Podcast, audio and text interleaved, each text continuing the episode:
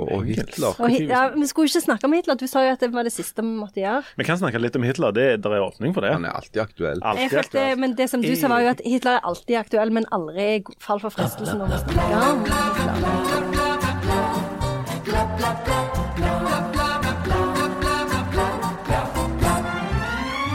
Skal virkelig en universitetsrektor diskutere med folk han er uenig med? Mhm. Nei! På Jæren lager de altså sykkelstien sjøl. Og sånn kan vi ikke ha det. Nei! Ellers vi skal snakke litt om statsbudsjettet, litt om økonomisk geografi, og gjerne gi deg 1000 gode tips til en øm og kjærlig farstad. Hæ? Gjør jeg det? Og nå gleder vi oss.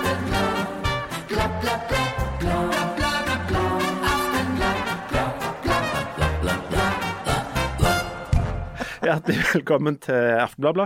Um, eh, for alle dere nye lyttere, og det strømmer jo faktisk eh, stadig til, så skal vi gjøre noe vi aldri gjør, nemlig å introdusere oss sjøl på skikkelig vis. Uh, helt alvorlig med navn og nummer. Kan du, Halvard Birkenes, begynne? Jeg skulle gjerne gjort det, men jeg er så grassat forkjølt at jeg må, jeg må, jeg må spare pusten min på de få tingene jeg hadde tenkt å seg si. hjemme. Utrolig flott. Du Takk for at Hold deg hjemme hvis du er sjuk, mener jeg jeg har hørt. Hvorfor sitter du her? Hvor, hvor skulle vi ha lagd denne podkasten hvis, hvis jeg skulle holdt meg hjemme når jeg var syk? Tror du verden kretser Dessuten rundt din jeg at du person? òg er tett i nesen. Ikke i hele tatt. Jo, du er tett i nesen. Og blank i øynene. Du har, har du feber? Ikke i hele tatt. Jeg ser du har litt feber. Jeg er, jeg er 100% Men kom igjen, eh, skal jeg introdusere deg så du får spare stemmen, da? Ja. Harald Birkevold er eh, av grunner ingen forstår, eh, betalt for å være kommentator i Stavanger Aftenblad. Han skriver om eh, politikk og Suldal. Og hytter. De to tingene henger nøye sammen. OK, over til neste. Jan Zahl, du kan introdusere deg sjøl. Jeg forstår ingenting. Hva er det, den introduseringa? Er det noe nytt du begynte med? Er det fordi du har feber? Nei. Har du tatt smertestillende eller febernedsettende? Du, Nei. du kan få sånn gratis hurtigtest oppe på der med, med, med Stavanger Forum. Jeg skal gå opp og så ta det etterpå, men jeg, jeg, jeg stoler ikke på det, at det der med Altså, at jeg nå er er jo. R-tallet i Rogaland på 1,8. Vi skal snakke om det òg. Ja. Jeg kjøpte en sånn en hjemmetest på apoteket. Det var så dyrt. Kosta 400 kroner. Ok, saksopplysning. Det de Det- det er dere, det er dere rike som heller prioriterer å gå på apoteket og kjøpe de kjempedyrt. De deler de jo ut gratis, Jeg fant ikke noe sted Det sto Vaksinesenteret i Sandnes. Jeg slo det opp på Google. Ikke noe info om hvor det var. Så jeg måtte jo til- gå og kjøpe det Du burde flytte til Stavanger, der deler de ut gratis. Ja, hvor- var hvor da? Etter at vi liksom gjenåpna samfunnet, altså da gikk tilbake til normalen. Så det neste, bare det neste, så det eneste som mangler nå, det er at de, de kommer dragende med sånne kjerrer gjennom gatene mens de roper 'Bring out your dead! Bring out your dead!' I'm not dead yet. Oh, yes, you are. Oh, yes, ja. Den- Denne introduksjonen på seriøs måte går kjempegodt. OK, jeg får gjøre det sjøl, da. Hvis du kan ha noe gjort, så må du, må du gjøre det sjøl. Jan Zahl eh, er journalist og kommentator og fagforeningsleder fra Bryne. ja. Ja. Det er ikke mer å si. Jeg forstår ikke hvorfor, vi skal Jo, introdusere. fordi at jeg fikk et, et, et lite hint fra noen som nettopp hadde begynt å høre på oss, at det var stilig, men de visste ikke hvem noen var. Og at vi var litt for innforstått innforståtte, som Ja, det heter. det ble litt, Ja. uh, litt internt. Så da, Beklager det. i stigen i Judas Iskariot. Stavangers, nei, Sandnes' rikeste kulturpersonlighet. Eh, så rik at du velger å kjøpe Jeg, jeg, vil ikke ha, tester jeg vil ikke ha sånne gratistester. Jeg, jeg, jeg, jeg kjøper de Gratis. alltid. De er sikkert ikke noe gode. Nei. Nei. Pluss at jeg ble veldig stressa, for det så jo ut som sånn graviditetstest. ja, det var akkurat likt. Sant? Det var én eller to streker. det er veldig satt ut. Plutselig er du sprenggravid. jo Sebastian, vi importerer våre tester. Ikke ta de der gratistestene. Ikke hold på med de. Okay. De kan, de kan vise hva som helst. Løp ned på fattighuset og gi de til noen. ja, Noen av de fattige som løper rundt bærføtt og med bare filler rundt lendene. Nå må du introdusere meg. Du må introdusere. Kom an, kom an. Janne Stigen Rangsholt, professor i På Universitetet i Stavanger. Professor i eh, engelsk litteratur med spesialfelt på Ted Hughes. En eh, obskur britisk poet. Og eh, i, eh, helt i front, eller helt bakerst eventuelt, eh, Leif Tore Lindø, av enda mer ubegripelige grunner, eh, journalist i Stavanger Aftenblad. Det er faktisk helt sant. Eh, Jeg kommer ikke på noe si- spesielt å si om det. Du var veldig pen i tøy i dag. Er det en slags sånn vintage eh, Italia-VM-genser du har på deg? Jeg liker å tro det, men sannheten er at eh, jeg var Jeg hadde reist en eller annen plass uten å pakke med meg klær, så jeg måtte inn på en fredagsbutikk og kjøpe en jumper. Så da kjøpte jeg denne for ca. 20 år siden eller noe sånt. Han er iallfall ganske fin, altså. Ja, han var veldig fin. Jeg har fått mye pepper for den oppi. Oh, ja. den. Men jeg tar, eh, jeg tar Vanligvis eh, er det jo Janne i rose for bekledningen, eller hva det heter. Men uh, i dag vil jeg si at du, du står fram som noe av et moteikon. Tusen takk, dette betyr absolutt ingenting for meg. men, det, men det var, det, det var et forsøk.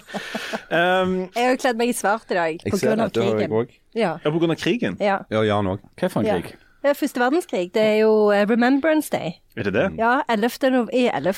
klokka 11.11 så var første verdenskrig over. Det snakket jo Adolf Hitler med. Shut up! La oss ikke snakke om Adolf Hitler. Hitler. Vi skal ikke snakke om Adolf, Hitler, men um, jeg tror vi skal begynne denne rundreisen i det menneskelige sinnet og den rogalandske geografien ute på dine trakter, Jan. Ja, Ute på Onnei. ute på Onnei. Jeg har altså en hyttenabo fra Onnei, en enormt trivelig fyr, som jeg i starten var veldig skeptiske til, men uh, etter jeg snakket med han, så fant jeg ut at det var en enormt bra kar. Og han er sånn som jeg håp, alltid håper folk på Undøy er, nemlig at han um, står opp uh, omtrent når jeg legger meg, og så tar han eh, med seg uh, ei spade ut, og så holder han på med noe, gjør noe. Ja, han har du fortalt om før. Det er han som, han, det han som liksom bygger tre kilometer med anleggsvei før frokost Ja, og sånn. Han får ikke lov av kona å jobbe før klokka seks. Ute med gravemaskin, fordi, at, fordi at han skulle ikke vekke oss byfolk. Og det, og det er strålende. Um, hei, Kim. Um, jeg, er veldig, jeg er veldig glad for at du kan ting og bor på sida av meg. Men ute på Onnei har uh, Har de tatt et veldig jærsk grep, Jan. Ja, de har gjort det. Og det er mye som er interessant med dette grepet. Og det grepet det har da manifestert seg i en 2,6 km lang grusvei med noe belysning på langs en trafikkerte vei. Eh, tingen er at oppe under der så er det mye vei da, eller ja, en del vei der folk kjører forbi. Og langs disse veiene så har unger sykla og gått for å gå til skolen. Og så har de lenge ønsket seg at de burde fått noe slags uh, sykkelsti eller et eller annet på sida der, sånn at ungene slapp å kjøre uh, midt i disse mørke veiene. da. Og så har de venta på det, og så har det ikke blitt noe av det. Og så var det noe bompengering og noe greier, og, og, og denne veien lå inni der. eh, Men så ble det ikke noe sånn, den, den bompengepakken, så derfor fikk de ikke bygd den. Og da slår noe av det der jærska inn. For da er det sånn OK, hvis de ikke får sørge for å få bygd dette her fra noe sånn stat eller fylke eller et eller annet, noen inn i Oslo eller et eller annet, da bare bygger vi det sjøl. Så da har de bygd en 2,6 km vei, eh, og så har de ordna problemet, tenkte de. Men så skjer det interessante. For dette er Jærbuen. Du du du bare går ut og ordner det sjøl, litt plass for å sitte og vente på noen. Så kommer det altså brev, nei ikke brev, men det kommer en, en, noen borte i Oslo som sitter på et kontor. Eller kanskje det var i En sånn austmann. Nei, det var ei dame, faktisk. Ja, ja, men austmann er mer ja, et men, ting. men, ja, men så jobber vi nettopp dette med på en måte sykkelstier og alt det der greiene her. Og hun registrerer at denne sykkelstien på, på Jæren, eller på Onnøy, den er jo ikke bygd i tråd med det som er forskriftene. Altså, Det er ikke lov å bygge eh, sykkelstier som bare er 1,5 meter lange. De skal være 3 meter lange. det skal være så og så mye. Ja, ja, ja breie. Ja, ja. 1,50 lang ville vært litt kort. Ja. Ja, men altså, han er, han, er for, han er ikke brei nok. Det er ikke nok avstand til veiskulderen. Det er noe med hvor lyset er plassert. Det er masse sånne, han er, Han er ikke etter reglementet. han er ikke etter reglementet. Han er sikkert direkte livsfarlig, denne Ja. sykkelstien. Og når, når det kommer sånne reaksjoner fra noen som sitter på et kontor i et eller annet byråkrati i et eller annet Oslo, så slår reaksjon nummer to inn fra Jærbuen at for noe rør. Skal det komme noen fra Oslo på et eller annet kontor og fortelle oss at, at det er bedre at ungene vingler rundt på den der mørke veien blant alle bilene, enn at vi har ordna dette problemet sjøl? Og det er veldig interessant på veldig mange måter, dette. For er det bra, eller er det dumt at de ordner det sjøl? Mye billigere? Eller eh, burde de ha fulgt forskriftene? Politisk kommentator Harald Birkevold. Eh, Nei, jeg mener det absolutt det må være bedre at, eh, at de har fått ungene ut av den veien. Hvis det er sånn at de virrer rundt der i mørket og på vei til skolen, så, så er jo åpenbart. Ja. Eh, Men, men så ser jeg jo selvfølgelig at denne her byråkraten sannsynligvis har et eller annet poeng, da. Det er jo at hvis denne her ikke er bygd til denne her forskriften, og han er for smal, seg, og så skjer det et eller annet, da. Hvem er det så, hvem skal saksøkes og så har du det gående. Sant? Ja. Eh, Det kan, du kan lage en masse problemer av dette hvis du vil. Og, og et av de problemene jeg vil lage som, For jeg vet ikke om noen er klar over det, du glemte å si det i presentasjonen, men jeg er hovedfag i sammenlignende politikk. Dette er ny informasjon for meg. Ja. Du skulle jo presentere deg sjøl, så det var vel du som Ja, det. det Alle fikk muligheten, Ja. ingen benytta den. Det ble bare masse rør. Ja. Så er det sånn at hvis vi har et system der det offentlige skal sørge for vei, altså om det er eh, fylke eh, på fylkesveiene, eller om det er staten på eh, noen andre veier, eller kommunen, eller for den saks skyld et eller annet, og de ikke lager det, så er det sånn at er det en bra ting som bør etterfølges av noen andre folk, at en da bare ordner det sjøl, sånn privat en eller annen plass. Det interessante er at for, for det har vi snakket om da i, i Time kommune, som Undheim ligger i. da, liksom At kanskje denne Undheimsmodellen eh, og det vi snakket om i andre kommuner, kanskje Undheimsmodellen, altså bare bygg det sjøl mye billigere, men en litt, på en litt lavere standard. Det kan kanskje være eh, noe som heter etterfølgelse for andre. Det interessante som da skjer, er at du får jo bygd en hel drøss med ting som det offentlige liksom skulle ha sørga for, men på en litt lavere standard. Men dermed så, så sparte på et vis eh, det, det offentlige seg for de utgiftene.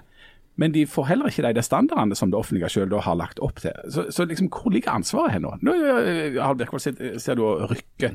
Ja, ja, men det var bare én ting helt før vi går videre. Eh, du er jo fra, fra teamet sjøl, ja. Ja. Sant? Så jeg regner jo med at du, har, du vet ting om, om teamet som jeg ikke gjør. Men heter det Undheim? Heter det ikke Undai? Ja, det kommer litt an på hvis du er, Jeg er jo fra Bryne sentrum. Ja, det er Downtown. downtown. Bryne, der vil vi si Undheim. Men det er klart hvis du kommer bare litt utfor uh, kommunegrensa, eller, eller ikke kommunegrensa, du kommer litt utfor bygrensa og du nærmer deg Undheim, så heter det jo Undheim. Ja. Ja. Um, jeg har òg faktisk hørt at, uh, at uh, Undheim da er et veldig spesielt sted i, i Time kommune, for der holder de med Viking. Gud velsigne de, og ikke med Bryne. Ja, dette kjenner jeg ikke til. Det, det er flotte folk på nei, det. Veldig bra folk. Hei, hei. Men du, er det- Men altså, det jeg ville si, det er jo at det er klart, hvis du kan jo problematisere dette her ut i det parodien. ikke sant? Fordi at du, Det er klart at uh, i, i forlengelsen av en sånn tankegang så ligger det jo all slags ting vi ikke vil ha, med uh, sjøltekt og, og eh, du- paramilitære grupper. Jeg vet ikke hva du kan, du kan fantasere om at kan, kan, få, kan skje. Sant? Men her gjelder det jo også tenker jeg også å bruke litt ved. Og så tenker jeg at ja, ja, at noen skrapte sammen og liksom bare gjorde dette her. Du, la oss nå ikke problematisere det i hjel heller. Men tingen er at det er jo blitt problematisert, og vi risikerer jo, for dette har jo havnet på så, så, sånn statsforvalteren, altså Bent Høie plutselig, skal måtte ta stilling til dette nå. De, de driver liksom og ser på hva er det som har vært saksgangen her, hva er det som har blitt tillatt og ikke fra kommunen, hvem er det som har bestemt hva for noe. Sånn at du kan gjerne ønske deg at det ikke skal bli problematisert, men det er det allerede i ferd med å bli. Så katta det er blir- ute av sekken. måte. Katten er veld, veldig ute av sekken. Og det ironiske blir jo nå, eh, og dette er bare helt sånn ekstremtilfelle, tenk hvis det ender med at de der oppe under må grave opp igjen hele denne veien og lage en greielig sånn grøft eh, der det ligger sånn at de får en greiligere bot. Ja, og får bot, og så må de sende de ungene ut på den der veien igjen. Men, men, men det, men det prinsipielle er jo nettopp at den, gre, den greske, ja, hør her, den jærske på en måte Å, den greske. or, or, ordne opp sjøl, hvis, hvis noen ut forbi ikke kommer og ordner opp. Den eh, kan eh, Den kolliderer med det som er byråkratiet og sånn som, som liksom Norge sånn i, i ovenifra er organisert. Og det er som Harald sier, dette kan jo brukes på alle slags ting. Hvis De hadde lagt ned lensmannskontoret, Ja. sier, så hadde de bare åpna sitt eget. Ja, ja. Og så bare hatt sin egen lensmann. Flyplass på Orre. Ja, Ja, Du kan bygge all slags. Ja, pluss at du kan jo ja, du kan jo bygge all slags, så du kan jo lage en skole i ei sånn brakke, da. Ja, Også, Jeg tilbudte for eksempel, da- Nå er det jo en svær debatt i Stavanger om vi skal ha et sånn badeland. ikke sant? Og, og, og hvem skal betale for det? Noen partier mener at det skal være det offentlige som skal gjøre, og noen sier skal være en blanding av det offentlige og det private, og noen sier nei, nei, nei, det må bare noen private ta seg av. Og jeg har jo tatt initiativ og sagt at uh, jeg stiller synkehullet til, til disposisjon. uh, om de vil bare fylle opp det med noe vann, og så kan de jo bare komme og bade de som vil. Men da kommer det jo med en gang en eller annen sånn eh, knusktørre byråkrattype, la oss kalle han Øyvind Jacobsen, og sier hva, er liksom, ja, hvem tar ansvar for drifta her, ikke sant, og sikkerhet, HMS, alt dette her styret, hvis det drukner en eller annen unge da oppi dette eh, synkehullet mitt, hvem sitt ansvar er det? Så har du det gående da. Jeg prøvde jo bare å være grei. Selvfølgelig. Men det, der er, en, der er en, eh, litt sånn konflikt mellom sånn privat initiativ og um, og, system her, er det ikke det? Jo. Eh, Og hvis ingen, ingen altså Hvis alle ting som kan noen, på noen, noen måte kan ligne på dette, er på en måte forbudt, da er vi, er vi kommet liksom veldig langt i at eh, staten bare må gjøre alt. Ja, ja og, og jeg mener jo at eh, Jeg er jo imot at alt skal være eh, statlig både finansiert og bestemt og regulert eh, ned i, i sånn en detalj at det ikke kan være initiativ nedenfra, altså fra frivillige eller fra næring eller hva det Jeg måtte er være for at eh, da. Jeg er, Ja, Ja, ja, for, du er for. ja, for, for det, det, det systemet der heter, hvis det er tatt ut i sin ekstrem, kommunisme. Ja. Men til og, med, Ja. de mest liberalistiske mener vel at eh, staten skal ha kanskje muligens politi og veier, eller noe sånt? Er det ikke Ja, det er politi og forsvar. Altså, det, er, det er liksom sånne grunnting der. Men, men, det, men det er nettopp det å få til eh, liksom, altså, å, å klare å kombinere eh, regler og, og, og det der med struktur og system med sunn fornuft og med at folk eh, på en måte kan ta initiativ og kan ordne opp i ting sjøl, på et vis. Altså, men, men Um, Men tar liksom kommunen ansvar for den sykkelstien, og brøyter de den når det er vinter f.eks.? Eller ligger den bare der? jeg tror eh, Det vet jeg ikke noe om. Nei, men, det må du finne ut. Ja, det må jeg finne ut. Ja. Altså, altså, de, altså, Ordføreren i Time syns jo dette var en strålende idé, Han- og, og mener fremdeles at det var en strålende idé. Men, men nå skal det bli veldig løye å se hvordan dette ender. Med om, om eh, det blir applaus eller, eller harving og ploging. Og, og en av grunnene, altså Når de sier at de, at de da har bygd den så smale som de har gjort, så er jo det også på en måte godt argumentert. fordi at altså Det er basert på at eh, dette arealet som går med til denne sykkelstien, det er jo da noe areal som noen private folk eier, og det er jordbruksjord. Så de sier at dette var jo for at vi skal spare så mye vi kan av jordbruksjord. og Dette er liksom noen områder av, av Norge der vi dyrker mat. Så i plassen for å liksom ha sånne statlige standard for veiskulder, så har de sagt vi må bevare så mye vi klarer av matjorda og av privat eiendom som noen private da gir ifra seg. det høres jo litt plass. ut som et vikarierende argument. og det, det sikkert Hovedgrunnen var vel at det skulle bli så billig som mulig. Det er jo tross alt på Jæren, dette her. Ja, men, men, men og, og, og da er det sant hvor, Selvsagt vil de gjøre det så billig som mulig, de betaler jo for det sjøl. Ja. Og da er det hvor bredt må det være? Jo, da tenkte de ja ja, halvannen meter, det blir fint, og så er det noe lys der. Men, men eh, det var jo for lite da i forhold til en eller annen sånn statlig standard. Men staten jeg betaler jo ikke for det. For det Problemet der er at eh, hvis to syklister passerer hverandre, så skal de kunne kveltre uten å treffe hverandre. Men ikke, No offense to nei, men det er ikke, jeg tror ikke det er en kolossal sykkeltrafikk til alle tider der. Og så så, så jeg at et av argumentene til. Og et av argumentene til ja. hun som, hun som er ekspert på dette, og hun er jo sikkert ekspert på det, det er jo noe av det interessante med det. For vi kan lett sitte her og flåse av, av hun som er eksperten og av reglene. Det er jo jobben men, hennes. Men det er jobben hennes, og det er sikkert en grunn til at de reglene er akkurat sånn.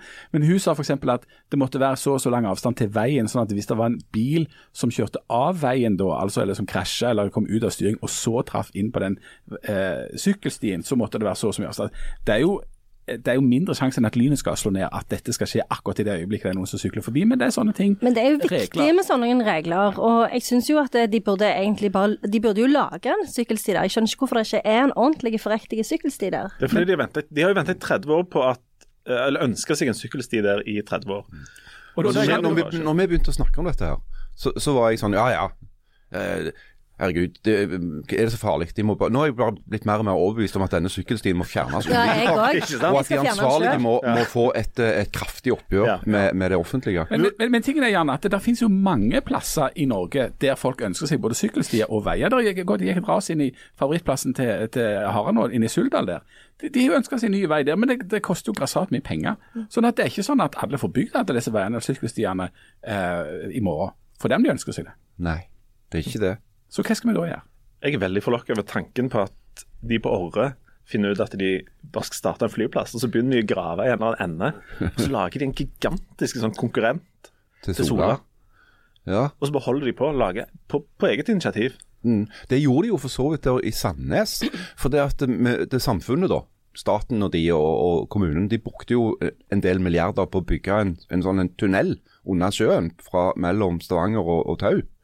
Eh, som dere gjerne har hørt om. Har hørt om. Men det skulle ikke, de, de, de i Sandnes skulle ikke ha noe av det. Så de har satt opp sitt eget private ferjesamband over Hø- Høgsfjorden istedenfor.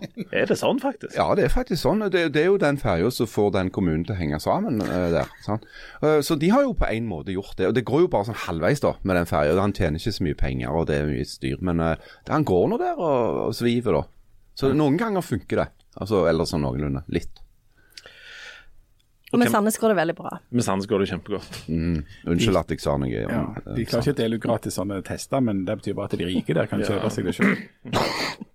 Har dere et eget altså Dere som er liksom i eliten, har dere sånn egne sånne hemmelige teststasjoner? Eller sånn? Da hadde jo ikke jeg kjøpt en test for 400 kroner på apoteket hvis vi hadde hemmelige teststasjoner. Det var det som jeg ikke fikk til å gå i hop. Men jeg ser for meg at dere som på en måte er helt på toppen av samfunnet Har du sett den filmen som heter 2012? Har du sett den? Nå lo jeg sånn at jeg fikk snue. Ikke, du hoster, Harald hoster, du driver og sprer snø. Og du har feber. 2012, det er han der Emmerich, eh, den Emmerich-filmen. Ja, det er den der om eh, Jordens undergang. De som er i Noahs ark. Ja. Nemlig. Og Der har de rike sånne båter stående rundt omkring i verden. Så når alle katastrofene kommer på en gang, så bare flytter de inn i sånne svære Noahs arker, og så flyter de rundt til liksom det hele er over. Ja. Har du noe informasjon rundt dette, Janne? Jeg, jeg kan si det, men da må jeg drepe deg etterpå. Det kan jeg leve med. Det er Ingen vil De, si det. de har jo òg kjøpt opp halve New Zealand, disse her folka. For det er visst der de skal flytte når, når det går til helsike. I denne? Hobbit-byen. Ja. Der er en haug med vel, av noen av de rikeste folka i hele verden har jo kjøpt svære sånne eiendommer i, på New Zealand. Og bygd eh, Og dette er ikke tull, altså. Dette er helt sant. Eh, Bygd eh, bunkere hvor de kan leve under jorda og være selvforsynte i årevis mens de venter på at det skal gå over. Eh, Og der, har de fått, der får de ned Janne Stigen Drangsvold, som skal lese høyt fra Tate Huge sine samlinger og analysere ett og ett dikt. Litt lenge. stemmer det. For de har god tid. Ja.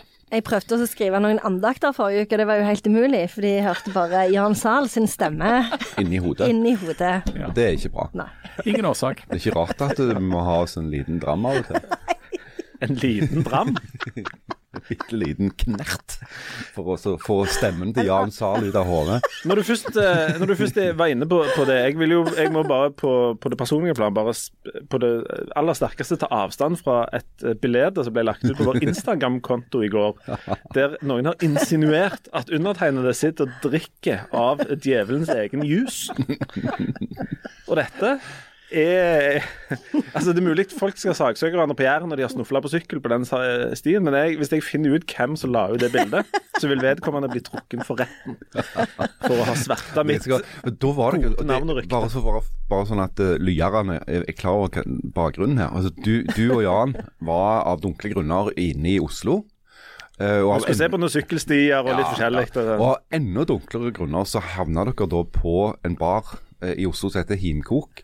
Og, og det som er forskjellen på deg og omtrent alle andre, det er at eh, de andre, altså resten, de, når de har vært på Himkok, så syns de at det er ganske stas. Og de, de legger gjerne ut gjerne et bilde eller et eller annet som tyder på at de har vært der. Men du derimot, du vil, så, du vil jo legge lokk på dette. Selvfølgelig. Himkok er jo da kjent som ikke bare Norges, men en av eh, Skandinavias og Nordens og Europas beste barer. da. Akkurat. Der var vi og dro med oss uh, avfallsmennesket Lindøy. og hadde oss noen drinker. Og dette, som sagt, gå inn på Instagram-kontoen vår, den må dere følge. For der ligger det et vakkert bilde av når uh, Lindøy slikker i seg en drink ifra Himkok. Jeg, Hva var det som var i den? For vi har hatt litt konkurranse om det på, um, på Instagrammen der. Folk har foreslått mange forskjellige ting. jeg fikk beskjed om at vi skulle ut og teste julebrus. ehm, og og en, en nye typer julebrus, ikke de julebrusene vi vant med Berns, fra Berntsen og sånt. Og så går vi ut der, og så sitter Jan og et par andre djeveldyrkere og satanister rundt et bord og sier nei, nei, nei, vi skal bestille, for vi har vært her før. Mm. Det, tenker jeg jo er greit. altså Du må gjøre sånn som så, ro, romfolket når du er i rom. Eh, og så eh, kom der veldig, veldig små glass med masse is og eh, ting som Altså andre typer julebrus enn det jeg er vant med, for å si det akkurat som det var. Ja. Eh, og på en måte den, den første julebrusen syns jeg smakte løye. Så da fikk jo Jan meg eh, med på å prøve et par til Ja. julebruser. Eh, og var, jeg syns de var ringe alle. Men, men hvorfor slikte du de i deg istedenfor å drikke litt sånn som vanlige folk? det er, det er vel sånn, sånn er sånn vi gjør her, sa Jan. Uten at han gjorde det sjøl. For han hadde en annen type julebrus. Han Ja, hadde en sånn blank julebrus. Du hadde den typen som du slikker i deg, ja. Jeg hadde sånn slikkejulebrus, og Jan hadde sånn annen. Så, eh, så sånn var det. Men hvordan, Jan, hvordan gikk det med han til slutt? Jeg vil si det gikk voldsomt godt. Ja. Ja. Ja, ja. Han ble ikke krakilsk, eller? Det ble voldsomt godt humør. Ja. Ja. Akkurat. Jeg tok meg sjøl i å, å hoppe spretta over et gangfelt på et tidspunkt. Ja. uh, men det er jo sånn som du Det er Ja. sånn som du blir når du, når du er i Oslo. Det var ikke sånn at du brøt ut i dans og sånne ting? Nei, altså så mye julebrus hadde vi vel ikke, hadde vi det? Nei, nei, Var dette samtidig Var det da dere var på Munch-museet? Ja, det var det. Dere opplevde så mye. Ja, Vi opplevde utrolig mye. Ja. Og så gikk vi på noen enormt brede og gode sykkelstier der. Der folk kunne kveltre og liksom Helt etter reglementet. Det var 25 cm med grusing på sidene. og De har jo ofte fire og seks felt på sykkelstiene der inne i Oslo. Det har de. Og, og de er opplyste som, som Versailles. Sånn, så det, det er jo en, det er en helt annen standard der, vet du. Helt annen men, men de har, det, er, jo også mye verdiskaping i Oslo, vet du. Det, Utrolig. ja, det, Utrolig med verdiskaping Ja. i uh, Oslo. så det er jo ikke, da må de jo nesten ha såpass. En siste liten ting. Vi driver og krangler voldsomt med både internt og eksternt om denne podkasten, om det er noe vi bør fortsette med, eller om vi bare bør legge det ned, eller om vi skal holde på dobbelt så lenge eller halvparten så mye. Der ligger ute en eh, liten spørreundersøkelse, bl.a. som dere kan finne på eh, aftenblad.no slash bla og eh, på Instagram-kontoen vår. Hvis dere kan gå inn og svare der helt ærlig og redelig på hva dere egentlig syns om det vi holder på med, så er vi veldig, veldig glad for det. Og nå har vi fått respons, Jan. Ja, har vi det, ja. Ja, Vi har fått respons på igjen for eventuelt nye lyer. Altså, Vi får, vi får litt forskjellig respons, og, og noe av den er faktisk uh, litt sånn omfattende og god at vi må sette av egne punkt til det. Men det er sånn at um, Janne Stigen Drangsholt, uh, privilegert menneske ifra Sandnes, eh, har satt i gang sin egen hashtag denne høsten som heter 'Cranky Woman Fall'. Der, der skal da altså Autumn.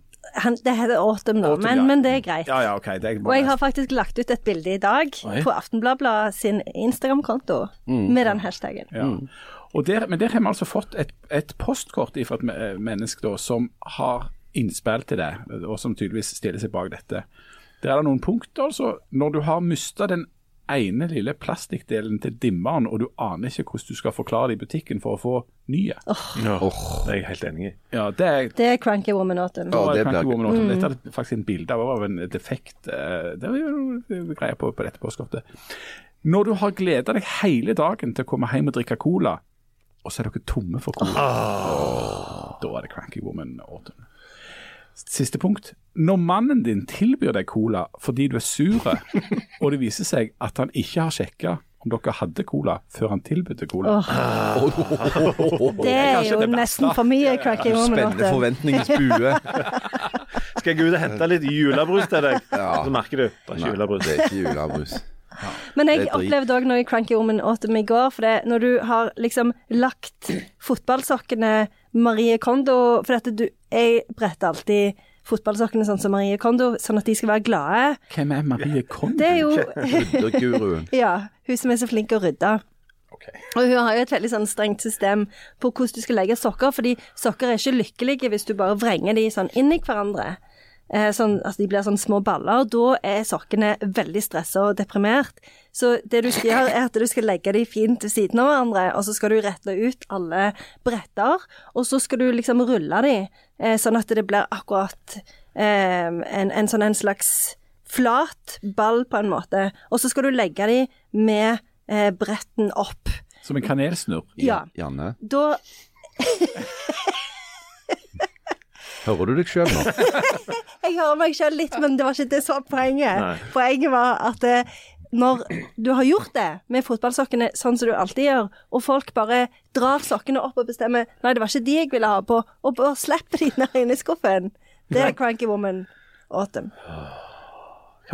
Eller, nå, ble jeg, nå ble jeg, jeg ble rett og slett litt sånn tom inni meg. Altså, altså det der med å legge sammen sokker, det kunne vi hatt en hel podkast Å oh, ja, det er Nei, mye å snakke om, snakke om. eh, Det er mye å snakke om. Ja, det, oh, det Ja. Nei, la oss ikke åpne Nei. Nei, men jeg må åpne ikke den. Nei, nei det, det Men det med var colaen var veldig bra. Ja. Ikke sant. Ja. Du, vi skal ta en eh, rask pause. Når vi kommer tilbake igjen, så skal vi få eh, høre om en hel del andre ting som jeg i farten glemte hva var. Det blir sikkert både kjempestilig, informativt og kanskje litt artig. Og muligens òg noe til å tenke på. Nei. Vi er øyeblikk tilbake.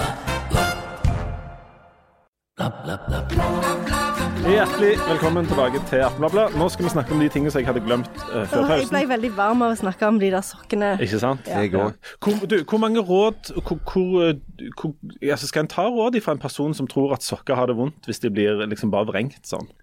Eh, nei, sannsynligvis ikke. Men det som jeg òg liker med Jeg liker veldig mange ting med Marie Kondo.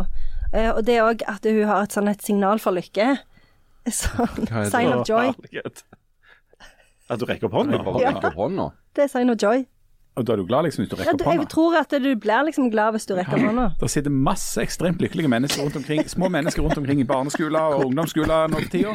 Lærerne tror kanskje at de rekker opp hånda fordi de enten må på do eller skal si et eller annet, men det de signaliserer er den enorme lykken og gleden. Sign Men of hva, joy. hva er det du skal bruke det der tegnet for lykke til, da? Skal du vise det til Jeg bruker det nesten aldri.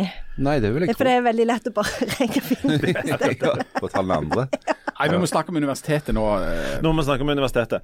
Um, altså, rektor på Universitetet i Stavanger, Klaus Moen, har altså drevet og har kommet litt i vinden fordi at han ble invitert til lansering av et tidsskrift. En fest på universitetet.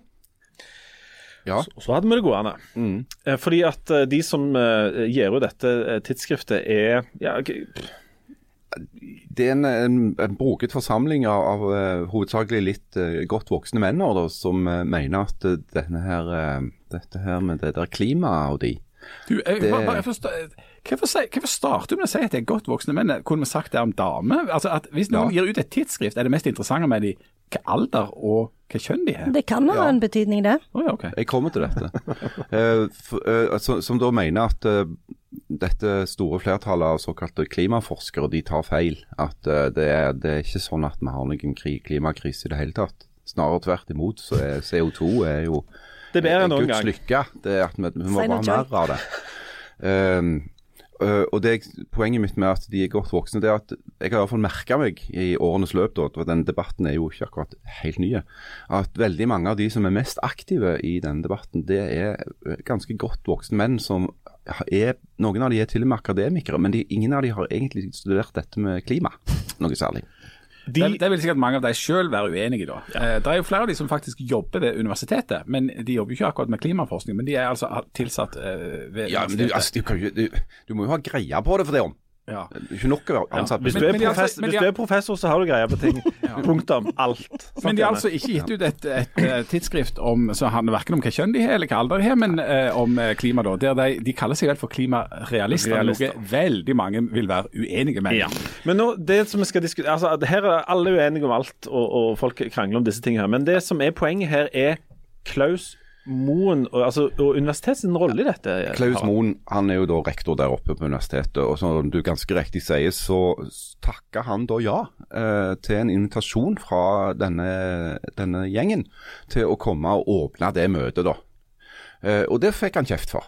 Fordi at eh, en del folk på universitetet, altså andre ansatte der oppe, mener at dette burde ikke han gjøre, fordi at det gir eh, klimarealistene et skinn av vitenskapelig legitimitet eh, som de ikke burde hatt.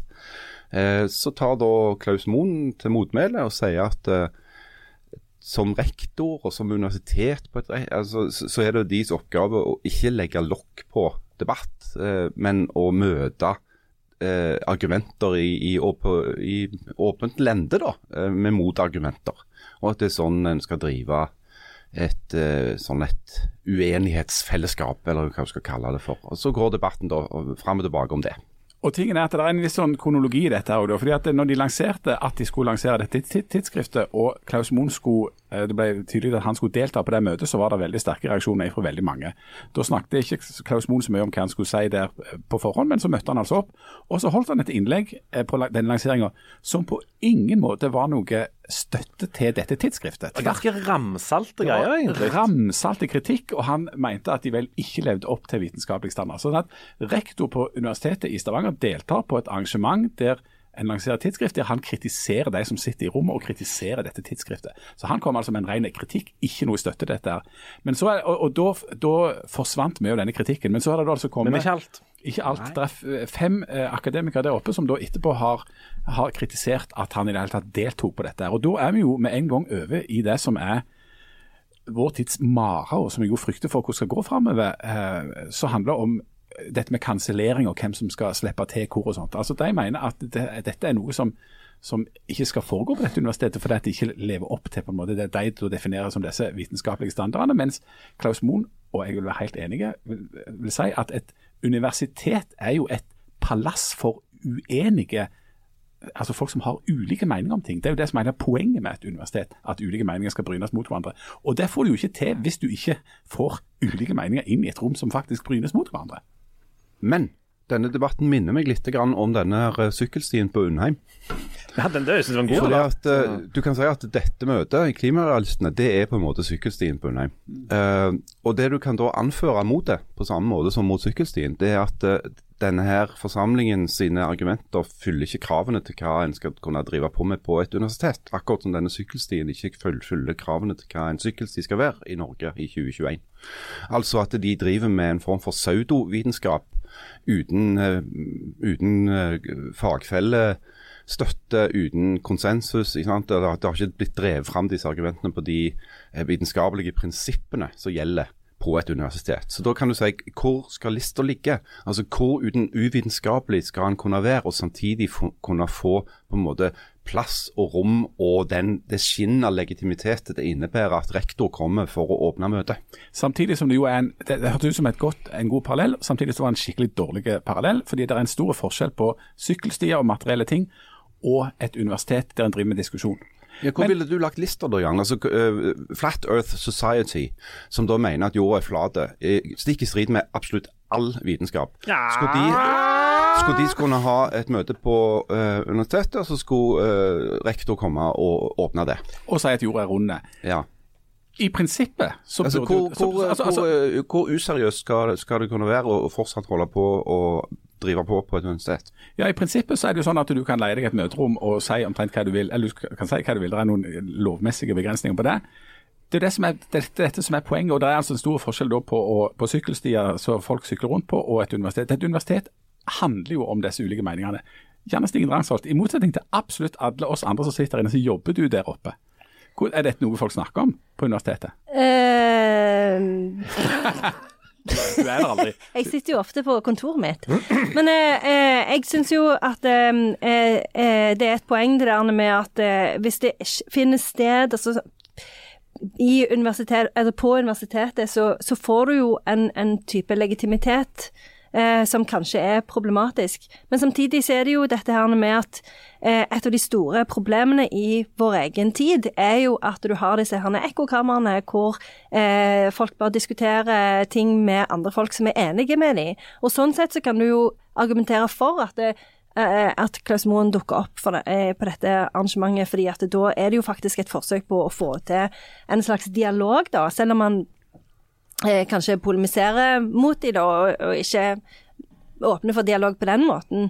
Eh, så, så, det er liksom Det er jo vanskelig, for på den ene sida så vil du jo ikke gi legitimitet til en sånn en gjeng med klimarealister, eh, men samtidig så er det jo veldig viktig å ja, og, og, og åpne for, for, dialog. Og det har han jo også sett. Altså, det var jo en av de store diskusjonene som en også hadde etter 22.07, f.eks. At det, du har disse her folka som bare får holde på, holde på, holde på uten å bli motsagt noen gang.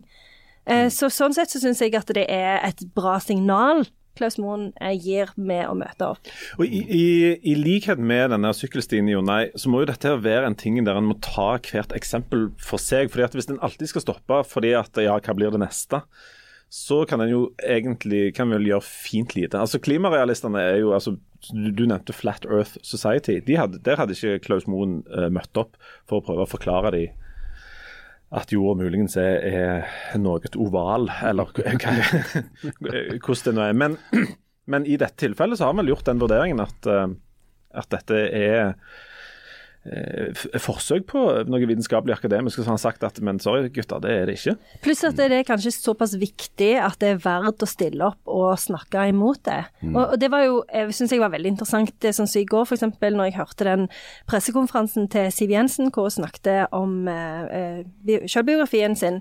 Eh, det var jo et av de temaene som hun tok opp, som, som var viktige for hun å prøve å snu eller klimafornektelsen i Frp. da. Så det er, litt, det er såpass viktig at, eh, at en gjerne bør ta disse debattene, selv om det er dumme realister som holder på. Og Vi som fyker rundt en del på sånne debatter og diskusjoner, og sånt, en av de tingene som vi ja, meg og deg, Jan, vi snakker jo, har jo snak, ofte snakket om dette, at uh, det er forunderlig mange av de der folk egentlig er helt enige. Og så sitter de og diskuterer enten nyanser eller noen som ikke er i rom og sånt. Og Det er ganske interessant, og det gjelder ikke minst for masse sånne eh, kulturarrangement og, og sånn litterære og det kulturelle. sånn som dette. Der blir det stort sett eh, invitert folk som er helt enige, eller har noen sånne marginale eh, liksom, uenigheter. Og så diskuterer en masse av, om folk og meninger som ikke er til stede i rommet. Og mange av de som går på det, er òg enige i det de sitter og så de liksom får forsterka og, og får bekrefta at de har helt rett. Men det er veldig få eh, fra Frp der eh, ofte. Det er veldig få på en måte fra makt, og fra den reelle makt, fra den politiske makt. Det er få fra den økonomiske makt, og det er få fra alle de de sitter og skyter på når de sitter da er enige. Og Det er jo et himla problem. fordi at da, da, da hører ikke de som burde ha hørt det, eh, diskusjonen, og så får en bare bekrefta det en allerede er enige om. Men det å håndtere uenighet er jo enormt eh, komplisert. Og, og jeg mener jo ikke at løsninga er at en skal unngå å høre det og, og kansellere det, sånn som det da er voldsomme tendenser til borte i USA, ikke minst. Altså At de opererer der med at, eh, at de må sette opp nærmest sånne lapper om, eh, til folk eh, om at du kan risikere å høre noe du ikke er enig i her, eller noe som kan virke opprørende på deg sjøl. Altså, da, da har du ikke forstått hva eh, Da er vi på vei vekk fra det som er hele poenget med et universitet. Altså Kunnskap blir dreven framover gjennom at meninger brytes mot hverandre, og gjennom diskusjoner, og gjennom at det kommer gjennom ny erkjennelse, gjennom uenighet. Det er det som er hele metoden. Jo da, det, og det er jo ingen som er uenige med deg i det. Uh, Jo, det er det noen som er uenige Men da, I hvert fall ikke da Sokrates. Da må du jo stort sett til, ut av landet. Så, altså, problemet her er at på et eller annet tidspunkt må du jo òg, hvis du skal drive uten, innenfor et såkalt vitenskapelig paradigme, så på et eller annet tidspunkt må du si at akkurat den diskusjonen er slutt. Uh, Altså, Vi kan ikke bruke mer tid på uh, dere tre som er uenige med de 10 000 andre. For det, at, eh, det er sånn vitenskap fungerer. Det, det fungerer ved at du har en hypotese da, som, som eh, Kalte du det, sa eller kan- Hva var det du hadde for noe? en hypotose, så slår de andre i hæl. om du har testet julebrus? Ja. Jeg, har- jeg har testa julebrus hele natten, så Ja, ikke, jeg er litt kort i lunta. Ja, Men du, nå skal jeg, nå skal jeg Altså, det, det kan jo bli Ja. for tullete òg. Ja. Og, og der, der skal jeg gi deg eh, være bitte, bitte litt enig med deg i en veldig kort uh, periode her. Men der mener jeg det da er forskjell på Flat Earth Society og uh, dette med klima. Fordi at uh, de all, altså, mange nok mener nå at jorda er runde til at vi ikke trenger å ha vitenskapelige tidsskrift og diskusjoner med rektor eh, på akkurat det. Men klimaspørsmålet er, til tross for at det er massive vitenskapelige enigheter om det, så er det fremdeles såpass omstridt. F.eks. i i USA, eh, blant republikanerne, der du akkurat var. sant? Altså, Det er mange nok som fremdeles ikke tror på det, eller iallfall ikke vil. Ja, men problemet deres er jo ikke at de, for, er at de ikke forholder seg til vitenskap. Ja, men da, men, men, men da er det sånn at da er det en såpass eh, eh, Det er fremdeles litt for, i, i for stor grad oppe til debatt. Det er jo, òg til debatt eh, i borte i Glasgow på en måte som gjør at det ikke vil føre til eh, eh, tiltak som vil virke i tråd med det som er mange av de vitenskapelige rådene. Så det er fremdeles oppe til debatt. Som at, sånn at det, Ja da. Ja. altså det går godt. Jeg, jeg skjønner godt at Klaus Moen eh, både liksom sa at greit dere kan ha dette møtet, og greit jeg kommer og får åpne det. Det er ikke det. Eh, men jeg, jeg sier at det må, det må gå en grense for hva òg et universitet skal slippe til for å liksom ikke eh, bli direkte uuniversitetsaktig. men, men, men, Ja, ja, jeg er helt enig. For det, det ligger jo selvfølgelig en legitimitet i et legitimitetssignal i at de får lov å ha det møtet der. Det er jeg helt det enig i. Mm. Men det viktigste signalet, og det mener jeg at Klaus Moen skal ha all mulig ros for, det er at det er lett å være universitetsrektor og snakke om at ja, her oppe skal meninger brytes, og her skal det være rom for både ditt og datt, og så ikke møte opp og ikke praktisere dette. Eh, Men gjennom, gjennom den måten han har håndtert det der på, så har han faktisk vist at han, at han gjør det. Han snakker ikke bare om det. Dette er show, don't tell med meningsbryting. Ja, og dette skal Du er helt enig i, og det syns jeg at han Klaus Moen har gjort ved, ved flere korsveier, faktisk. Han har, han har stilt seg på den rette linja av den prinsipielle debatten der flere ganger, og det, det syns jeg er veldig bra. Dere så at John Cleese uh, svartelista seg selv fra Cambridge University. Så dere det? Nei. Han, rett og slett eh, kansellerte seg selv, ja. Ja, fordi at eh, det var, et, det var en der som, som ble kasta vekk etter å ha gjort en Hitler. Vi skulle ikke snakke så mye om Hitler, men nå det opp. sant? Men han hadde gjort en Hitler eh, Han hadde parodiert Hitler, i, Sånn var det, ja. ja. Og, og da var det noen som ble lei seg. Ja. Fordi at da hadde de plutselig hørt Hitler. ja. Og da sa John Cleese at da gidder ikke jeg være med dere. Det er jo Nei. akkurat det samme som skjer i den serien The Chair. Nøyaktig det, Det er samme. faktisk akkurat det samme, ja. Det er akkurat Altså, det Så er sånn livet imiterer kunsten. Og vi er bestevenner. Jepp. Men, greie- ja, men det er jo helt sprøtt. Altså at en, en professor som rett og slett eh, snakker med østerriksk aksent på en litt overdreven måte, mens han marsjerer i hanemarsj rundt på, på eh, I, Mo, I Movember. Det må uh... Ja, og så er det noen som da klarer å bli da støtt av dette og mener at de har blitt utsatt for slags, eh, en slags form for hitling, eller hva man skal kalle det det. Altså, det, det er jo sånn at du nesten ikke tror at det kan være sant. Oh, det kan være sant. Du, nå har vi, vi har tre punkter igjen på, på programmet her. Så nå må Jesus, for et program. Ah, Ja, ja, ja, ja. Nå- Tre punkter. Ja, og det Hvor mye tid har vi igjen? Nei, Vi har kjempelite tid igjen, sånn at nå må dere være litt korte. Ja.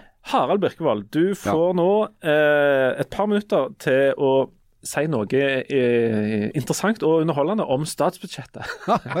Og, og den nye retningen Norge er på vei inn. Ah. Lykke til. Yes. I oktober så la da Erna Solberg, etter at hun hadde tapt valget i september, fram eh, så siste, statsbudsjett. Vil du bruke mye av disse minuttene på å snakke om Erna Solberg, eller tenker ja, du liksom liksom å ta de nye Det er veldig, veldig Ja, ja, viktig. Ikke la meg så hvis deg. du bare nå holder kjeft, så skal jeg bruke så lite tid som mulig. Ikke la meg forstyrre deg. Jeg bare lener meg tilbake, så tar du denne bolken her. Helt alene. Lykke til. Ble lagt fram i i oktober av den avtroppende regjeringen. Sånn er det alltid. Det sa du før jeg begynte å kritisere deg, men du får vel bruke tida disponere den sånn som du vil. Det betyr at den nye regjeringen, som ledes da av Jonas Gahr Støre, Ding, ding. hadde tre uker på seg til å gjøre noen endringer i det budsjettet som allerede lå foran de. Det budsjettet ble lagt fram på mandag. Er det noe mer du vil vite? Jepp. Hva, hva, sto det noe i det?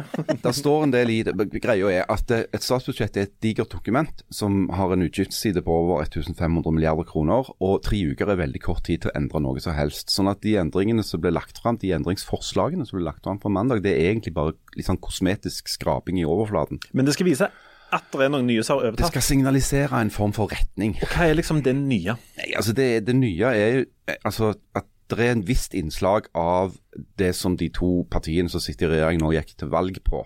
Eh, det, er, er litt mer distrikt, det er litt mer skatt. Eh, det er litt eh, endringer i eh, avgiftsnivåer. Eh, det er litt billigere ferjer osv.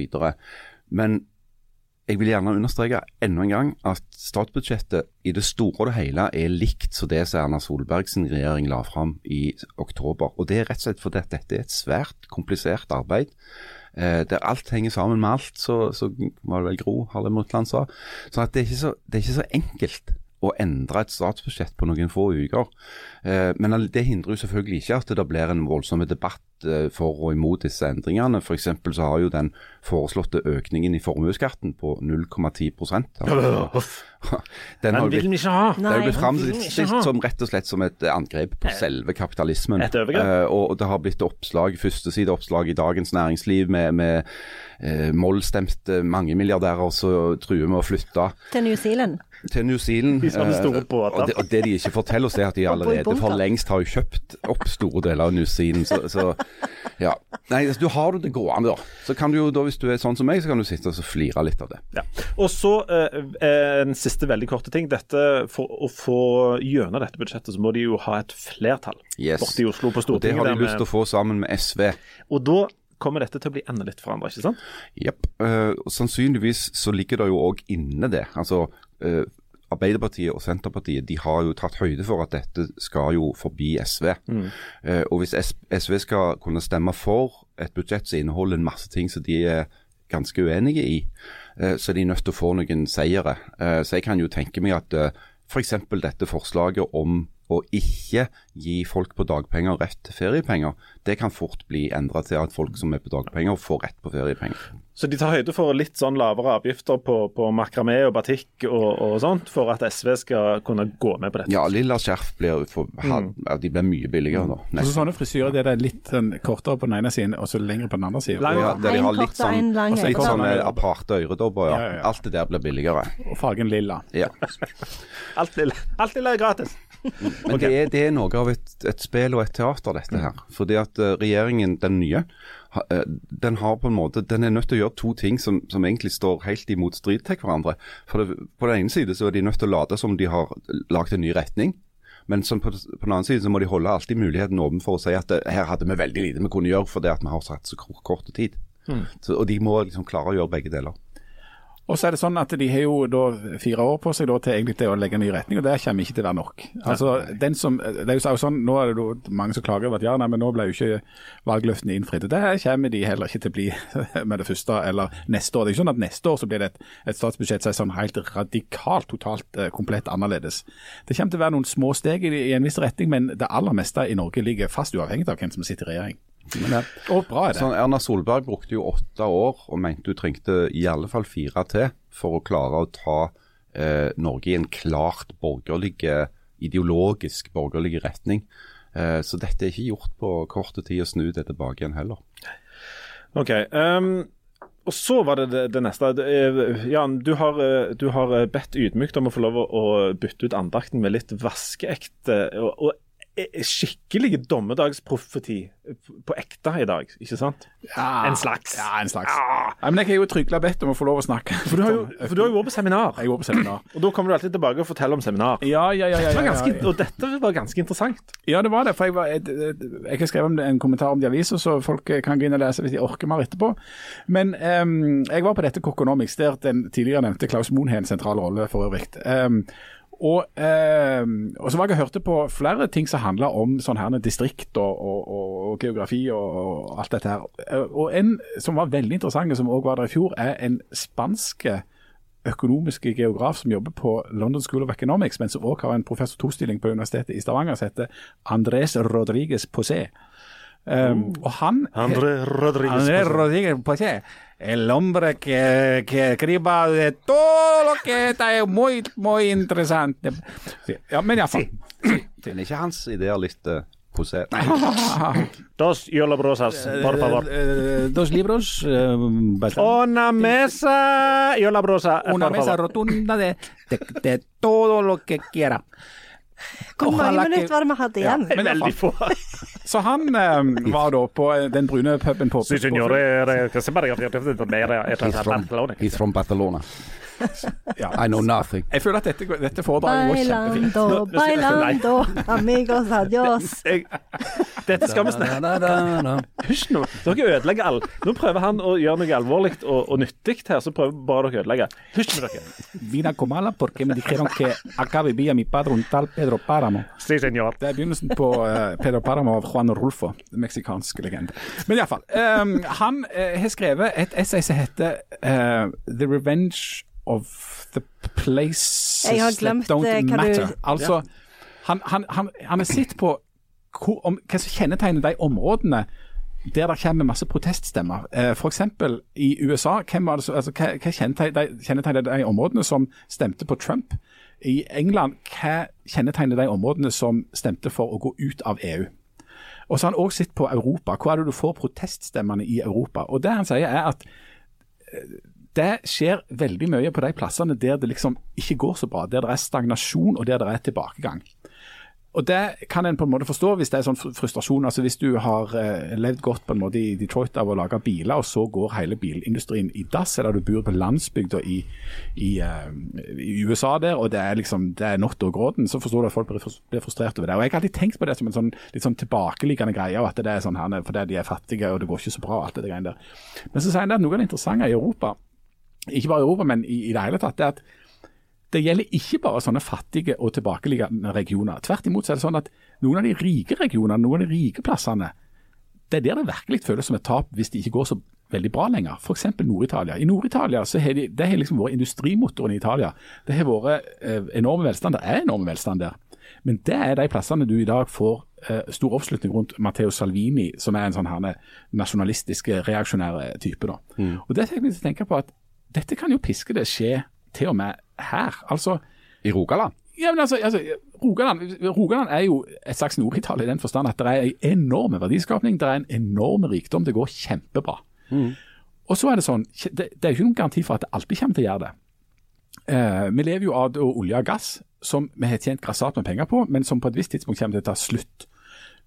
Når vi har så mye, så har vi òg enormt mye å tape. Det kan føre til frustrasjon. Han, han, han fortalte en historie om da han hadde kommet til Milano fordi at han skulle holde et foredrag da, et stykke fra Milano. Så han, fikk han en drosjesjåfør som begynte å kjøre og Så kom han i, i prat med han da. Og så viste det seg at han drosjesjåføren han var en ganske fersk drosjesjåfør. Eh, for fram til for ikke så lenge siden så hadde han eikt en skobutikk, nei, en skofabrikk. Så de hadde da produsert italienske sko, som jo har vært the shit. Spesielt for det hollandske og det tyske markedet. Så de hadde jo vært enormt velstående. Kommer fra en velstående industrifamilie i Nord-Italia. Tjent grassat med penger.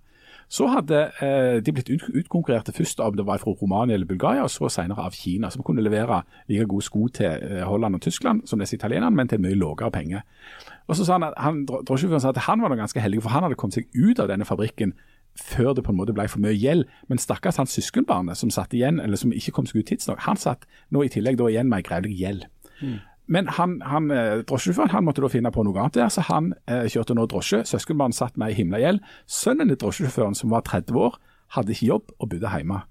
Og framtidsutsiktene hans var jo elendige. Sånn at når du sitter der og har vært velstående, det har gått kjempebra, tenk nå på oss sjøl, og så ser du at ungene våre og barnebarna våre de kan sannsynligvis få det dårligere enn det vi har hatt det. De kommer til å gå ned i inntekt og i levestandard. Jeg så trodde du elsket kapitalismen. Dette er jo kapitalismen i praksis. Jeg elsker kapitalismen, og derfor må vi sørge for vekst. For det han sier, altså det som kjennetegner disse plassene, det er hvis du driver en næring som ikke lenger gir brød og smør på bordet, altså at, at du blir utkonkurrert, da får du et problem. F.eks. For oljenæringa, eksempel tenker du på eller sko. Eh, hvis du mangler kompetanse og ikke liksom, får til innovasjon, altså at du finner på noe nytt, da har du et problem. Eh, også hvis det er svake institusjoner. Tingen er at det, Før eller senere så kommer altså olje og gassen, altså vårt brød og smør, til, til å ta slutt. Finnes det innovasjonskraft og kompetanse i vårt område? Jo, det finnes det massevis, men det er jo veldig knytta til oljeindustrien. Så det spennende er jo kan en bruke den kompetansen og den innovasjonskraften, altså både investere både kompetanse og kapital inn i sånn at en klarer å finne på noe nytt å leve på. Hvordan er det med institusjonene? Jo, de ligger veldig godt an eh, akkurat her som vi bor, og kanskje bedre enn i Italia, der det er mye mer sånn distrust, kan du si. Men, men, men det interessante er å, å, å, å tenke over at det at en det at det går bra, betyr ikke nødvendigvis at alltid kommer til å gå, gå bra. Snakk med folk i Sunderland i, i Nord-England, eller snakk med folk i Detroit i USA, eller snakk med folk i Nord-Italia. Og det er ikke altså det der med at folk eh, protesterer og nærmest gjør et slags opprør, handler ikke nødvendigvis om at de er fattige, men at de eh, Mister noe. mister noe. Du står i fare for å miste privilegier som du har hatt. Ja. Det minner meg veldig om den filmen med Clint Eastwood, eh, den Gran Torino. For der, han kommer jo fra et eh, område som har vært eh, Det har vel vært arbeiderklasse, men det har vært et bra område å bo. Og så plutselig så har eh, alle blitt arbeidsledige, og så er det gjenger og innvandrere. Og da får du den der sinte mannen. Eh, og, det er jo det, og den sinte mannen ble jo ofte nevnt i sånne diskusjoner, fordi at eh, en tenker at Eh, altså, eh, på en måte, Kapitalismen er jo bygd på et sånn tro på at mennesket er grunnleggende rasjonelt, og at det vil søke lykke. Eh, men da glemmer du jo å ta i betraktning en del sånne følelser, da, som sinne, eller eh, behovet for ære, eller trygghet trygghet, og, og, og sånne ting. Eh, så dette, de to tingene er jo ganske sånn tett sammenvevd. Og så er det interessant, for han sier ok, hvordan gir dette seg da utslag? Jo, da kan du ta på deg noen gule vester og gå rundt og tenne på bildekk og protestere i gatene. Men den fremste plassen der protesten gir seg utslag, det er når folk går til valg. Og da kommer du i den altså Det er der på en måte hevnen da kommer ifra disse plassene som ikke lenger betyr noe.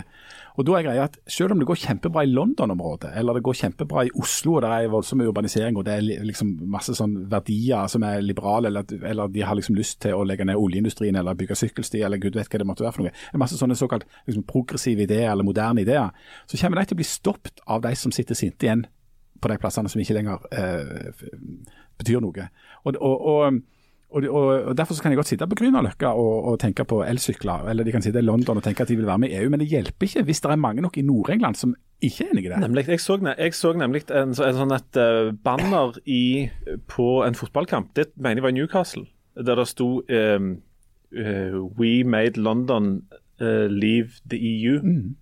Som var en sånn Også med den midterste Ikke fingeren. Ikke lykkefingeren, men de midterste fingrene. Ehm, så det er altså hevnen. Mm. det, er- er- skjer det automatisk med at eh, folk eh, ramler langt utover mot eh, liksom det ytterste høyre, eller kan det, kan det gå Jeg mener at den, den regjeringa vi sitter med i dag i Norge, er jo et utslag av dette. Kommunistene? Nei, nei, ja, ja, kommunistene. Ja, sant. Nei, men, men, men folk flest gikk jo ikke til kommunistene. Eh, selv om det var mye snakk om på en måte at kommunistene gjorde et eh, historisk godt valg, så, så er det jo fremdeles et bitte lite miniparti på størrelse med minipartiet Venstre f.eks. Men det partiet som gikk mest fram, og som har hatt mest vind i seilet det siste året, er jo Senterpartiet. Som nettopp har spilt på eh, provinsen eller periferien sin skepsis og sin, sin motstand mot eh, sentralisering og urbanisering. og Det er et uttalt mål for den nye regjeringa at, liksom, at de skal drive en politikk som er eh, anti-sentralisering eh, og liksom ta vare på disse, alle disse områdene rundt omkring. Der en mister folk, eh, politi, sykehus, skoler blir lagt ned. Eh, Jeg var på et arrangement rett etter han der CS, eh, der Viktor Nordmann, som har ledet et utvalg som har sett på, på dette med fraflytting, sa at det, det med fraflytting kommer ikke til å bli et så veldig stort problem framover. For det er ikke flere folk igjen å flytte. Altså De er så gamle, de som bor igjen på masse av disse plassene, at de kommer aldri til å flytte noen plass. Problemet er at det blir heller ikke født noen barn der. Så det- Se på Finnmark. ja, ja. Det der Finnmark, det blir ikke født noen unger der lenger. Og, og da og da har du da har den følelsen av at framtida er ikke her, den blir så konkrete at du flytter til Oslo, eller du protesterer gjennom måten du stemmer på. Og så er det jo òg i denne Pankaj Mishra-boka Ja, jeg skal akkurat nevne den, jeg skal akkurat nevne den eh, Janne.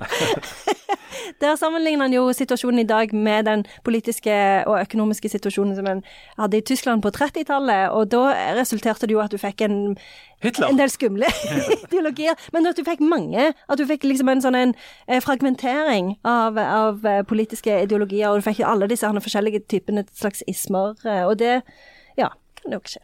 Jeg vil anbefale den boka til alle. eh, Kan du gjerne repetere hva den heter? Ja, han heter Pankas Pankaj Herkle. Ja, nå fikk jeg et lite meldt. Er det sånn at vi kan kalle den stor nummer tolv? Ja, Vredens tidsalder. Jeg tror han er gitt ut på Spartacus, kanskje på norsk. Ok, Ja. Stilig. Du, vi må Pankaj Mishra. Ja. Pankaj Mishra. Mik- Det høres ut som en som er i Mikke Mus-klubbhus, men jeg skal, ikke, jeg skal ikke si mer om det. Men, vi må jo ha, og Unger må vi jo ha for å fylle opp i, i distriktene. Og der er det jo en anledning til å gjøre noe med det når, når farsdagen kommer. Dette er jo et familieprogram. Endelig har vi kommet fram til den. Ja. Og det, Det er jo et høydepunkt. Farsdagen er jo den vakreste og mest omtykte eh, dagen i Jeg vil si i året. I kalenderen, ja. Eh, jeg vet ikke hvordan, dere, eh, hvordan det ender opp med farsdagen hos dere, Jan og Harald, Nei, men, men- eh, La, la nå Janne få ta dette her, for det at hun har jo greia på dette. ja.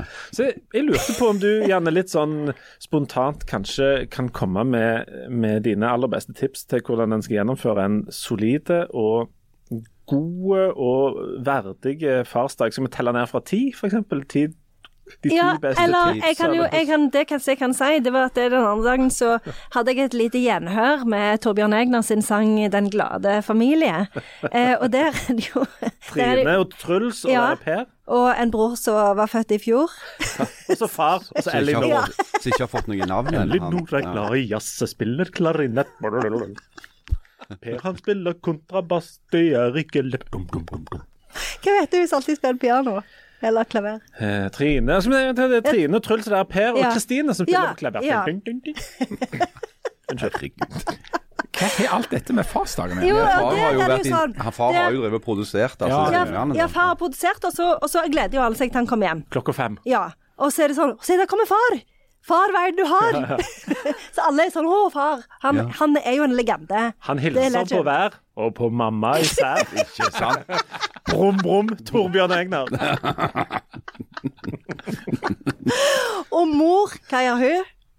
Hun står vel på kjøkkenet. Steker sykt mange pannekaker. Ja, ikke sant? Det er hva var det, 81 pannekaker. Ja, det det, er helt vanvittig mange pannekaker. Ja, så det er vel oppskriften på en god farsdag, Det jeg lurte på er Men, jeg. altså, det, det, dette syns jeg ble litt i overkant flåsete. For det at det, på søndag er det farsdag. Og for de som ikke har fått det med seg, på søndag er det farsdag. Det betyr at på fredag så er det lille farsdagsaften. På lørdag er det farsdagsaften. så er det farsdag. Og så på mandag er det første farsdag. Nei, men dette henger jo ikke på greip. Altså, det er jo lille farsdagsaften på lørdag, skulle en tro. Nei, for det er farsdagsaften er lørdag. Det er dagen før farsdag. Men lille julaften er jo den 23., og så er selve julaften Ikke bland julaften oppi dette. På fredag er det lille farsdagsaften. Farsdagsaften er på lørdag. Farsdag okay. På søndag. Ja. Første farsdag er på mandag. Ja, så det er en festival. Det er en slags festival. Nei, nei, men dette er jo bare sånn som påsken er lagt opp. Det er jo akkurat okay. likt rundt farsdag. likt. Ja. ja, for far har jo òg ofra en del. Og ofra mye. Ja. Jeg vet ikke helt hva, men eh, Ja, han har jo ofra sin personlige frihet, f.eks. For, det er sant. ja. Det er sant. Eh, Men eh, pleier dere å motta oppmerksomhet på denne farsdagen? Uh, hvis dere hører meg nå, barn, så, så er det altså farsdag på søndag. Eh, jeg har jo sagt det før, jeg har også sendt melding på Messenger og Snapchat. eh, men i tilfelle dere ikke har fått med dere det, barn, så er det altså farsdag på søndag. Eh, jeg er hjemme, ikke kom for tidlig, eh, men sånn etter tolv så tar jeg imot uh, presanger. Er det sånn hos deg at du risikerer at det kan dukke opp folk du ikke visste om fra før, som står på døra di og, og ser opp på deg med blå øyne og sier pappa? Far. Der har, der har du farsdagen sin.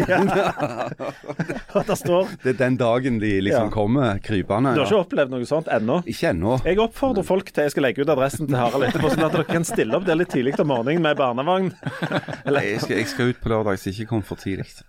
Jeg kommer litt seint på lørdagen òg. Å nei. Jan, pleier du Du er jo, bor jo i en familie der, eh, der en er romslig med presangene, og det liksom eh, bys på. Eh, Har du skrudd opp forventningene til farsdagen? Klok av skade så skrur jeg det ikke veldig Og du gjør ikke det, nei? Nei, det, det pleier å tilfalle meg eh, ja, men Faktisk så har det vært litt grann oppmerksomhet, men veldig lite gave. Men det er jeg jo glad for, for jeg, jeg, jeg, jeg trenger ikke å ha ting. frokost på senga og sånn? Får Jeg, jeg mener vi har fått noe sånn eh, morgenlevering. eh.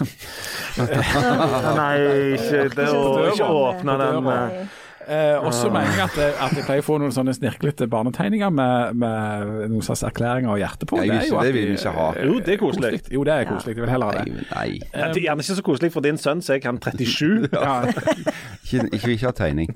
men, men, men sånn i det store så er det vel ikke å ta i å si at farsdagen er noe bleik i forhold til f.eks. morsdag, mener det? julaften, 17. mai. Altså en del andre sånne dager som det burde vært på nivå med. Ja, for du, du syns at morsdag er på nivå med julaften? Ja, ja, ja. Da er det jo Oh, ja. Da deler vi ut gaver med, med farer. Vi gjør jo alt og liksom server skikkelig. Er det ikke sånn på Sandnes? Jeg har så på Sandnes. aldri fått en eneste gave på morsdag. Eh, nå skjønner jeg ikke hva dere snakker om Hva slags liv er det du lever? Nei, I don't know. Middelklasselivet. Øvre middelklasse? Nei, Nei, det må men- jeg si. Altså, Altså, jeg får jo en tegning, men jeg får jo ikke Han eh, Stavros eh, som du er, er gift med, er det ikke opplegg? Nei. det er det verste jeg har Null opplegg. Ja, men jeg får heller ikke gaver. Jeg vil ikke ha gaver heller. så Nei, jeg vil ikke heller ha Jeg vil heller ikke ha gaver.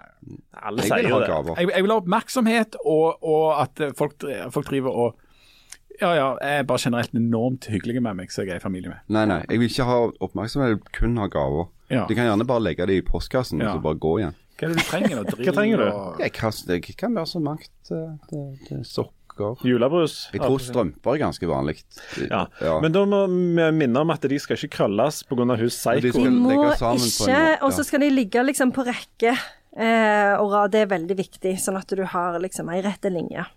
Du, eh, du er jo opptatt av rydding, eller i hvert fall å se på TV på folk som rydder. Ja, og eh, rydde sjøl av at det er så, samme som gjør ry- ryddefingeren. Hva er, Lykkefingeren, mener jeg. Ryddefingeren kommer Så jeg pleier å kalle den. ryddig vei. Ja. hva, er, mm, hva er det beste ryddetipset du noen gang har fått? Det er jo i eh, Mary Poppins å knipse med fingrene, og så rydde alt seg sjøl. Det Mm. syns jeg er et bra ryddetips. Jeg ble utsatt for dette her så sent som i går, for det at hun som jeg da deler bo med, hun, men jeg var på kjøkkenet og hadde akkurat laget middag. Og så kom hun, vi hadde jo det der ansiktsuttrykket som de har av og til, når du vet nå kommer det noe.